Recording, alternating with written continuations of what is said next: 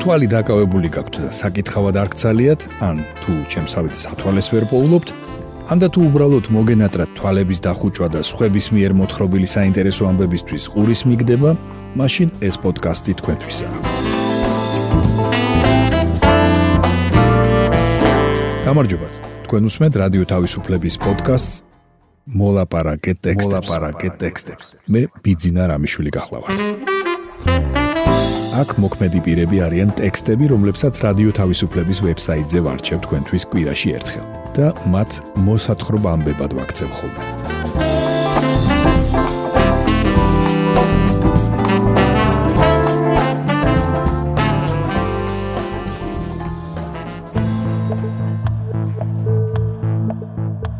გავიხსენებთ ეროვნული მოძრაობის ერთ-ერთ ლიდერს ზურაბ ჭავჭავაძეს, რომელსაც ამ დღეებში 70 წელი შეუსრულდებოდა. ვისაუბრებთ ლილიანა კავანის ერთი ფილმის შესახებ.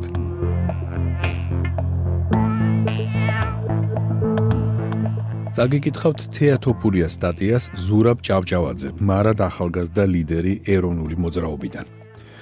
5 თებერვალს ზურაბ ჭავჭავაძე 70 წელი შეუსრულდებოდა. ეროვნული მოძრაობის ერთ-ერთი ლიდერი 1999 წლის 21 დეკემბერს საავადმყოფოში გარდაიცვალა. იმ ავარიიდან ორიოდე თვის შემდეგ, რომელსაც მერაბ კოსტავა ემსხვერპლა. ზურაბ ჭავჭავაძე 1953 წლის 5 თებერვალს თბილისში დაიბადა. ზურაბის მამა نيكოლოზ ჭავჭავაძე 30 წელი საქართველოს მეცნიერებათა აკადემიის ფილოსოფიის ინსტიტუტს ხელმძღვანელობდა. ის მოაზროვნეთა იმ კატეგორიას ეკუთვნოდა, რომლებიც ქართულ ფილოსოფიურ აზრს მარქსიზმ-ლენინიზმისგან განსხვავებულად ხედავდნენ. ზურაბი ქიმიკოსი იყო. მომავალი მეუღლეც ქიმიის ფაკულტეტზე გაიცნო. მესამე კურსზე დაქორწინდნენ. უკეთილშობილესი ადამიანი, გარეგნულად ცხოვრებაში ბევრად უკეთესი იყო ვიდრე სურათებზეა, იხსენებს მისი მეუღლე ნანა ჭავჭავაძე. ქიმიის ინსტიტუტში მუშაობდა, დისერტაციაც დაიცვა, მაგრამ მერე საპატრიარქოში გადავიდა რეფერენდად. სტიქაროსანიც იყო სიონში. სურას ძალიან დიდი სამეგობრო წრე ჰყავდა. ეროვნულ მოძრაობაშიც ასე მოხდა. ციტატის დასასრული. პირველად მგონი ილიაობაზე გამაცნეს სვეტიცხოველში. ხვება ილია ჭავჭავაძის საზოგადოების ერთ-ერთი ლიდერი თამარ ჩხეიძე. ხუმრობდა ეს ორგანიზაცია ჩემი ნათესავი გამოდისო. ძალიან დავმეგობრდით. მასთან ურთიერთობა სასიამოვნო იყო. კარგი იუმორის გზნობა ჰქონდა. თავისი ბუნებით, კრეატიული აზროვნებით გამოკვეთილი ლიდერი იყო. რაც მთავარია ქვეყნისა და ადამიანის სიყვარულის გამო ჩაერთო ამ საქმეში. ციტატის დასასრული. დროთა განმავლობაში ეროვნული მოძრაობის ლიდერები ერთმანეთს დაუპირისპირდნენ. ეს დაპირისპირება ილია ჭავჭავაძის საზოგადოებასაც შეეხო. განხეთქილებას იწევდა როგორც ქვეყნის განვითარებაზე განსხვავებული შეხედულებები, ასევე რადიკალიზმი და უნდობლობა. მაშინ ბევრი ეჭვობდა, რომ ესა თუ ის ადამიანი მათთან სუკის მიერ იყო მიგზავნილი. ზურაბ ჭავჭავაძე ზვიად გამსახურდია და ეროვნულ დემოკრატიული პარტიის ლიდერი გიორგი ჭანტურია ერთმანეთის საწინააღმდეგო ბანაკებში აღმოჩნდნენ. ამას ეგრეთ წოდებული ღირსების სასამართლოც მოხვა, რომელზეც ჭანტურიამ ჭავჭავაძეს გამოუცხადა სუკის აგენტი ხარ და შუბს გაგიხრედო. ზურას მიაჩნდა, რომ პოლიტიკაში არანაირი ამორალური მეთოდი არ უნდა გამოიყენებოდეს, არანაირი ცილის წამება არ უნდა იყოს, არადა თავად გახდა ცილის წამების მსხვერპლი. ამბობს თამარ ჩხეიძე. 1989 წელს ეროვნული მოძრაობის ყველაზე ცხელი დღეები იდგა. სექტემბერში თამარ ჩხეიძე, მერაბ კოსტავა და ზურაბ ჭავჭავაძე ქუთაისში მანქანით გაემგზავრნენ. იმ ღამეს იქ დარჩნენ. მათი ერთ-ერთი მასპინძელი ლამარა აბჟანდაძე ამ სტუმრობას იხსენებს. ციტატა ჩემი ძმა ანზორ აბჟანდაძე ზურასთან ერთად მუშაობდა. ქუთაისში ერთად ჩამოვიდნენ. ანზორი რა თქმა უნდა ჩემთან დარჩა ღამე. თამარიც ჩემთან დარჩა. ზურაბ ჭავჭავაძეს ახლობელი ხოლია ქუთაისში და ის და მერაბი მასთან იყვნენ. თამარი მართალია ჩემთან მოვიდა, მაგრამ მთელი ღამე თვალი არ მოუხუჭავს. ოთახიდან ოთახში დადიოდა. დილაუთენია დაჯდა საჭესთან, მერაბი და ზურაბი ჩაისვა და თბილისში წავიდნენ. რამდენიმე საათში გავიგეთ, რომ ავარია მოხდა. ციტატის დასასრული.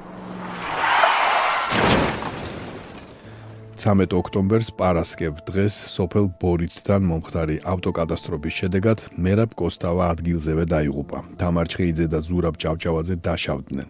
ზურაბი მძიმედ. ის მოგვიანებით საავადმყოფოში გარდაიცვალა. 34 წელია ვფიქრობ და მაინც არ ვიცი. გამოძიებაც შეწყდა რატომღაც ვერაფერი დადეს. მინდა ვიფიქრო რომ უბედური შემთხვევა იყო. ამბობს ნანა ჭავჭავაძე და იმ დღეებს იხსენებს, როდესაც ზურაბს ნევროლოგიის ინსტიტუტში მკურნალობდნენ. მუდმივად იქ ვიყავი. ყველაფრის მოწმე ვარ, რაც იქ ხდებოდა. საჭმელს მე უგზავნიდი რეანიმაციულში. ძალიან ძლიერი დაზიანება ჰქონდა. თავის ფუძის მოტეხილობა. უამრავი წამლით მკურნალობდნენ. ვფიქრობ, ორგანიზმმა ვერ გაუძლო და ღვიძლი დაიშალა. ავარიიდან მე-60 დღეს გარდაიცვალა. გაკვეთა ჩაუტარეს თუ არა არ ვიცი. ეს უკვე აღარ მაინტერესებდა. ციტადის დასასრული. თამარჩხეიძეს დღემდე არც ის ჯერა რომ ავტოავარია უბედური შემთხვევა იყო და არც ის რომ ზურაბს ჰეპატიტის ავადმყოფოში შემთხვევით დაემართა. ამბობს რომ ზურაბ ჭავჭავაძე იყო ინტელექტუალური ადამიანი მორალური პრინციპებით, ანუ პოლიტიკოსის ის ტიპი, რომლის არსებობა კრემლის ინტერესებში არ შედიოდა. რომ აღარაფერი ვთქვათ მერაბ კოსტავაზე, ვისი როლიც ეროვნულ მოძრაობაში შეუფასებელია. ჩხეიძეს ჯერა რომ კრემლს ხელს არ აძლევდა ეროვნული მოძრაობა კონსტრუქციული ყოფილიყო და უთანხმოებები ლიდერებს მოლაპარაკებების გზით გადაეჭრათ. თუ სამივე ერთად დავიღუპებოდით, გეგმას 100%-ით შეასრულებდნენ. ისე მეორე მანქანამ ზუსტად იმ ადგილას დაარტყა, სადაც მერაბ კოსტავას თავი იყო. არ ვიცი ამის გათვლა შეიძლებოდა თუ არა, ამბობს თამარჩხეიძე. საერთოდ ზურა იყო ხოლმე საჭესთან, მაგრამ წინა დღეს ორიოდე ჭიქა დალია და უკან იჯდა. მერაბმა ტარება არ იცოდა. არც ყოლია მანქანა არასოდეს. ზურამ რამე დაინახა თუ არა არ ვიცი, უკვე გამოდიოდა მდგომარეობიდან, როცა ხელოვნურად შეყარეს ჰეპატიტი, იმ ტიპის, რომელიც ნემსით შეიძლება შეიყვანო ორგანიზმში. ამბობს თამარ ჩხეიძე. მოგვიანებით თომა ჩაგელიშვილმა ავტოკატასტროფის შესახებ ჟურნალისტური გამოძიება მოამზადა, მაგრამ გადაჭრით მაინც ვერაფერი დაადგინა. მაშინ ძალიან სკრუპულოზურად ვიმუშავეთ ამ თემაზე. ექთნებიც ვნახეთ იმ მანქანის მგზავრებიც, რომლებსაც შეეჯახნენ. ჩემი შეხედულება არის, რომ ეს იყო შემთხვევითობა, მაგრამ გადაჭრით რამის მტკიცება მაინც შეუძლებელია, ამბობს ჟურნალისტი. მეორე მხრივ საბჭოთა კავშირს ყოველთვის ჰქონდა მისთვის არასასურველ პირებთან ანგარიშსწორების გამოცდილება. 1999 წელს კი საქართველო ოფიციალურადაც ჯერაც საბჭოთა კავშირში იყო. სოულაბის წარმომადგენელი ირაკლი ხვადაგიანი ამბობს, რომ ტოტალიტარული სახელმწიფოს სპეცსამსახური ყოველთვის ცდილობს თავიდან მოიშოროს ადამიანები, რომლებიც რეჟიმს ხელს უშლიან. თან ისე რომ ეს უბედურ შემთხვევას გავდეს, მაგალითად ავტოკატასტროფას, ავიაკატასტროფას, ავადმყოფობით სიკვდილს ან საერთოდ თვითმკვლელობას. ზურაბ ჭავჭავაძე დაკრძალეს ყვარელში, იოანე ნათლისმცემლის ეკლესიაში, რომელიც ჭავჭავაძეების საგვარეულო ტაძრად მიიჩნევა. 2016 წელს პრეზიდენტმა გიორგი მარგველაშვილმა ზურაბ ჭავჭავაძეს ეროვნული გმირის წოდება მიანიჭა. თქვენ მოისმინეთ თეატოფურიას სტატია ზურაბ ჭავჭავაძე, მარად ახალგაზრდა ლიდერი ეროვნული მოძრაობიდან.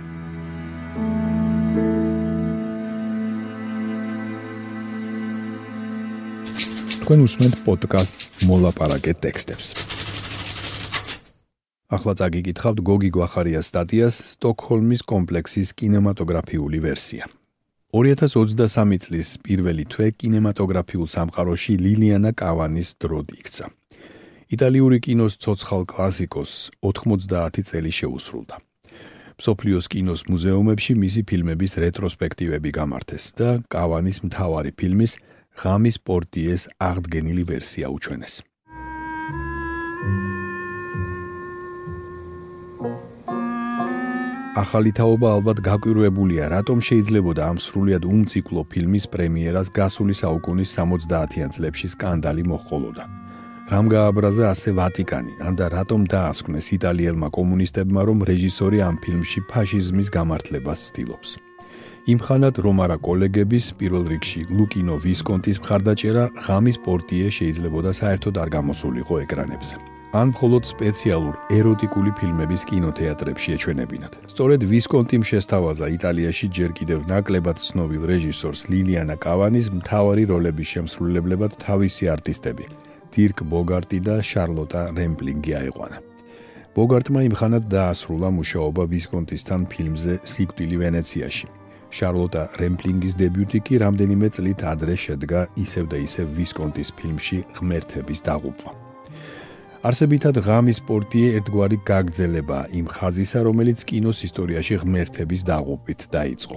ნაცისტების ყოფილი ოფიცრის მაქსის და მისი მსხვერპლის საკონცენტრაციო ბანაკის ტყვე ქალის ლუსიას ეროტიკულ სასიყვარულო თავგადასავალი სავსეა იმ სადომაზოხისტური ვნებებით, ამოუწურავი სექსუალური ექსპერიმენტებით, რომლებიც უხვად ვიხილეთ ლუკინო ვისკონტის ფილმში. თუმცა იტალიელმა რეჟისორმა კალმა ამას განსაკუთრებით მინდა ხაზი გაუსვა, ფაშიზმის ბუნების ახლებური, უფრო რადიკალური კვლევა პორტიემდე დაიწყო. 60-იანი წლების ბოლოს კავანიმ გადაიღო ფილმი დახაუს საკონცენტრაციო ბანაკის ყოფილ ტყვე ქალებზე, რომლებიც გვიანბობენ როგორ ატარებენ შვებულებას ყოველ წელს დახაუსში, რადგანაც მიუხედავად საშინელი დამცირებისა და შეურაცხყოფისა, რომელიც მათ გადაიტანეს, რაღაც აუხსნელი, ბუნდოვანი, გაუცნობიერებელი ძალა კვლავ ეკაჩება მათ царსულის ჯოჯოხეთისკენ. ღამის პორტიეში ეს სიუჟეტი უკვე ეროტიკული ტრაგედიის ფორმას იძენს. ძალადობის მსხვერპლი თავად მოირგებს სადისტის როლს. მერე კი მოძალადე და მსხვერპლი ერთი მთლიანობა ხდება. царსულის აჩრდილი მათ არ აძლევს საშუალებას იცხოვრონ აწმოში. არა, ჩვენ ფაშიზმი არ გაგვიმართლებია. უბრალოდ გაგახსენეთ, რომ ყოველ ადამიანს თავისი ალიბი აქვს ისტორიაში. ტოტალიტარული რეჟიმების გასამართლება თუ გვინდა, მაშინ ტოტალიტარული აზროვნებისგან პირველ რიგში საკუთარი თავი უნდა გავათავისუფლოთ. ციტატის დასასრული. ლილიანა კავანის ამ პოზიციამ კიდევ უფრო გაამწვავა დისკუსია ხამის პორტიეს გარშემო. ფაშიზმის, უფრო სწორად ფაშისტების გამართლების ბრალდებას დაემატა მეორე, ფაშიზმის ესთეტიზაცია. გამოხატული ისტორიული თუ კულტურული არქეტიპების სიმრავლეში. ხამის პორტიე ხან სალომეს იგავს გაგვახსენებს ხანაც ტრისტანის და იზოლდას ტრაგედიას. პათოლოგია და ესთეტიზმი, გახრძნა და დახვეწილობა აქ განუწყვეტლი უპირისპირდებიან ერთმანეთს.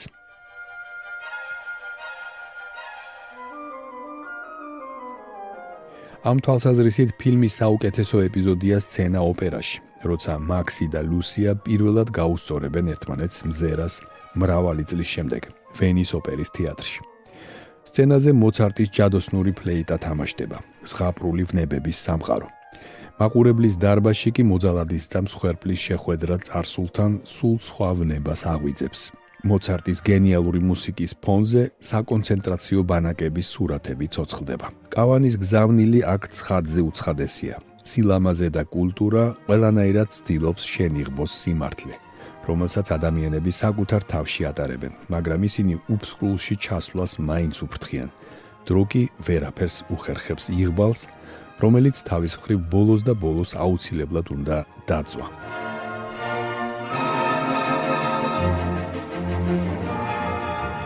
ხამის პორტიემ ხელახლა გაანათა ხამე ჩვენს არაცნობიერში. წერდა ფრანსუა ალბერა, ლილიანა კავანის შემოქმედების მკვლევარი. ნიშანდობლივია, რომ ეს სწორედ ქალმა რეჟისორმა გააკეთა. ციტატის დასასრული. დღეს ეს შეფასებები შეიძლება მოძველებულად მოგვეჩვენოს. ლილიანა კავანი გამალებით ებრძვის სწორხაზოვნებას ფაშიზმის გააზრების პროცესში, თუმცა თავად წოდავს სწორხაზოვნებით და ზედაპირულობით. ბოლომდე გაუგებარი რჩება თუ რამ გადააქცია მაქსი ჯალათად და რატომ სიამოვნებს ლუსიას მსხვერპლის როლში ყოფნა. მეორე მხრივ იტალიელ რეჟისორს არც აქვს პრეტენზია ახსნას ის, რაც ისედაც ვიცით. ტრავმა, რომელსაც ადამიანი მოძალადისგან იღებს, არათუ ამ ადამიანის ცხოვრებას ანგრევს და ამახინჯებს, ტოტალიტარულ სისტემაში შექმნილი ტრავმა მთელ თაობებში გადადის და ხშირად ისტორიულ პროცესებზეც კი მოქმედებს. მსხვერპლში შურის ძიების გზნობა იღვიძებს. მოძალადეში კი გაუცნობიერებელი ბრალეულობისა. აქედან ჩნდება ეგრეთ წოდებული სტოკჰოლმის კომპლექსიც, რომელიც ძალადობის მსხვერპლთ არა მარტო კონკრეტულ ადამიანს, არამედ მთელ საზოგადოებას ცნობიერებას უმახინჯებს. ასეთ საზოგადოებას უბრალოდ ვერ წარმოუდგენია თავისუფალი არსებობა. წარე ღიმილს ბადებს ის, რომ ღამის პორტიეს სკანდალის შემდეგ ლილიანა კავანიმ თავად მოირგო მსხვერპლის როლი. მას შემდეგ რაც ნიჩეზე გადაღებული მისი ყოვლად ზედაპირული ნახევრად ეროტიკული ფილმი კეთილისა და ბოროტის მიღმა ჩავარდა კინოგაქირავებაში კავანი რადიკალიზაციის ახალ გზას დაადგა. ახლა უკვე იტალიელების ისტორიულ ტკივილზე თამაში დაიწყო. ფილმში ტყავი რომელსაც საფუძვლად დაედო იტალიელი მწერლისა და ჟურნალისტის კურციო მალაპარტეს ჩანაწერები მან წარმოგვიდგინა მეორე მსოფლიო ომის შემდეგ განთავისუფლებული ქვეყნის უაღრესად ცინიკური სურათი. იტალია, რომელიც ყველაფრის ფასად ცდილობს თავის გადარჩენას. იტალია, რომელსაც ახალი კერპი ხავს, ამერიკელი ჯარისკაცები. სრულიად ნათელია, რომ ეს კვაზი ისტორიული ფარსი, აგებული მხოლოდ და მხოლოდ ადამიანთა მანკიერებების ჩვენებაზე, სკანდალისტვის იყო განსაზღვრული. მაგრამ არანაირი ხმაური ტყავს არ მოხოლია. გარდა ირონიული რეცენზიებისა, პოლიტიკურ ორაზროვნებასა და ზედაპირულობაზე. 1980 წლის იტალია უკვე ისეთი არ იყო, როგორც 10 წლის წინ. საინტერესოა ჩვენ სად ვართ. დღეს, როცა ომი, ძალადობა, გაუპატიურება განსაკუთრებით უკრაინის ომის დღეებში ჩვენი ცხოვრების ნაწილი გახდა, როგორ აღვიქვამთ ხამის პორტიეს. ვიცნობთ თუ არა ჩვენს თავს ლილიანა კავანის ფილმში. მე წაგიკითხეთ გოგი გვახარიას სტატია სტოკჰოლმის კომპლექსის კინემატოგრაფიული ვერსია.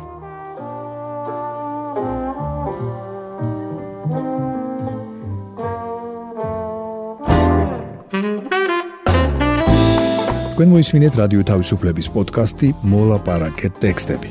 მე კვირაში ერთხელ ვარჩევ რადიო თავისუფლების ვებსაიტზე გამოქვეყნებულ ტექსტებს და მათ მოსათხრობამდე ვაქცევ ხოლმე.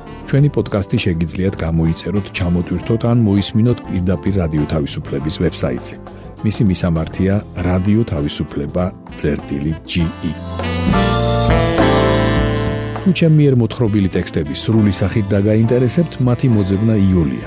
ვებსაიტზე, პოდკასტის გვერდზე იპოვით ყოველ ცალკეულ პროგრამაში მოთხრობილი ტექსტების ბმულებს. მე ბიძინა რამიშვილი ვარ. მომავალ შეხვედრამდე.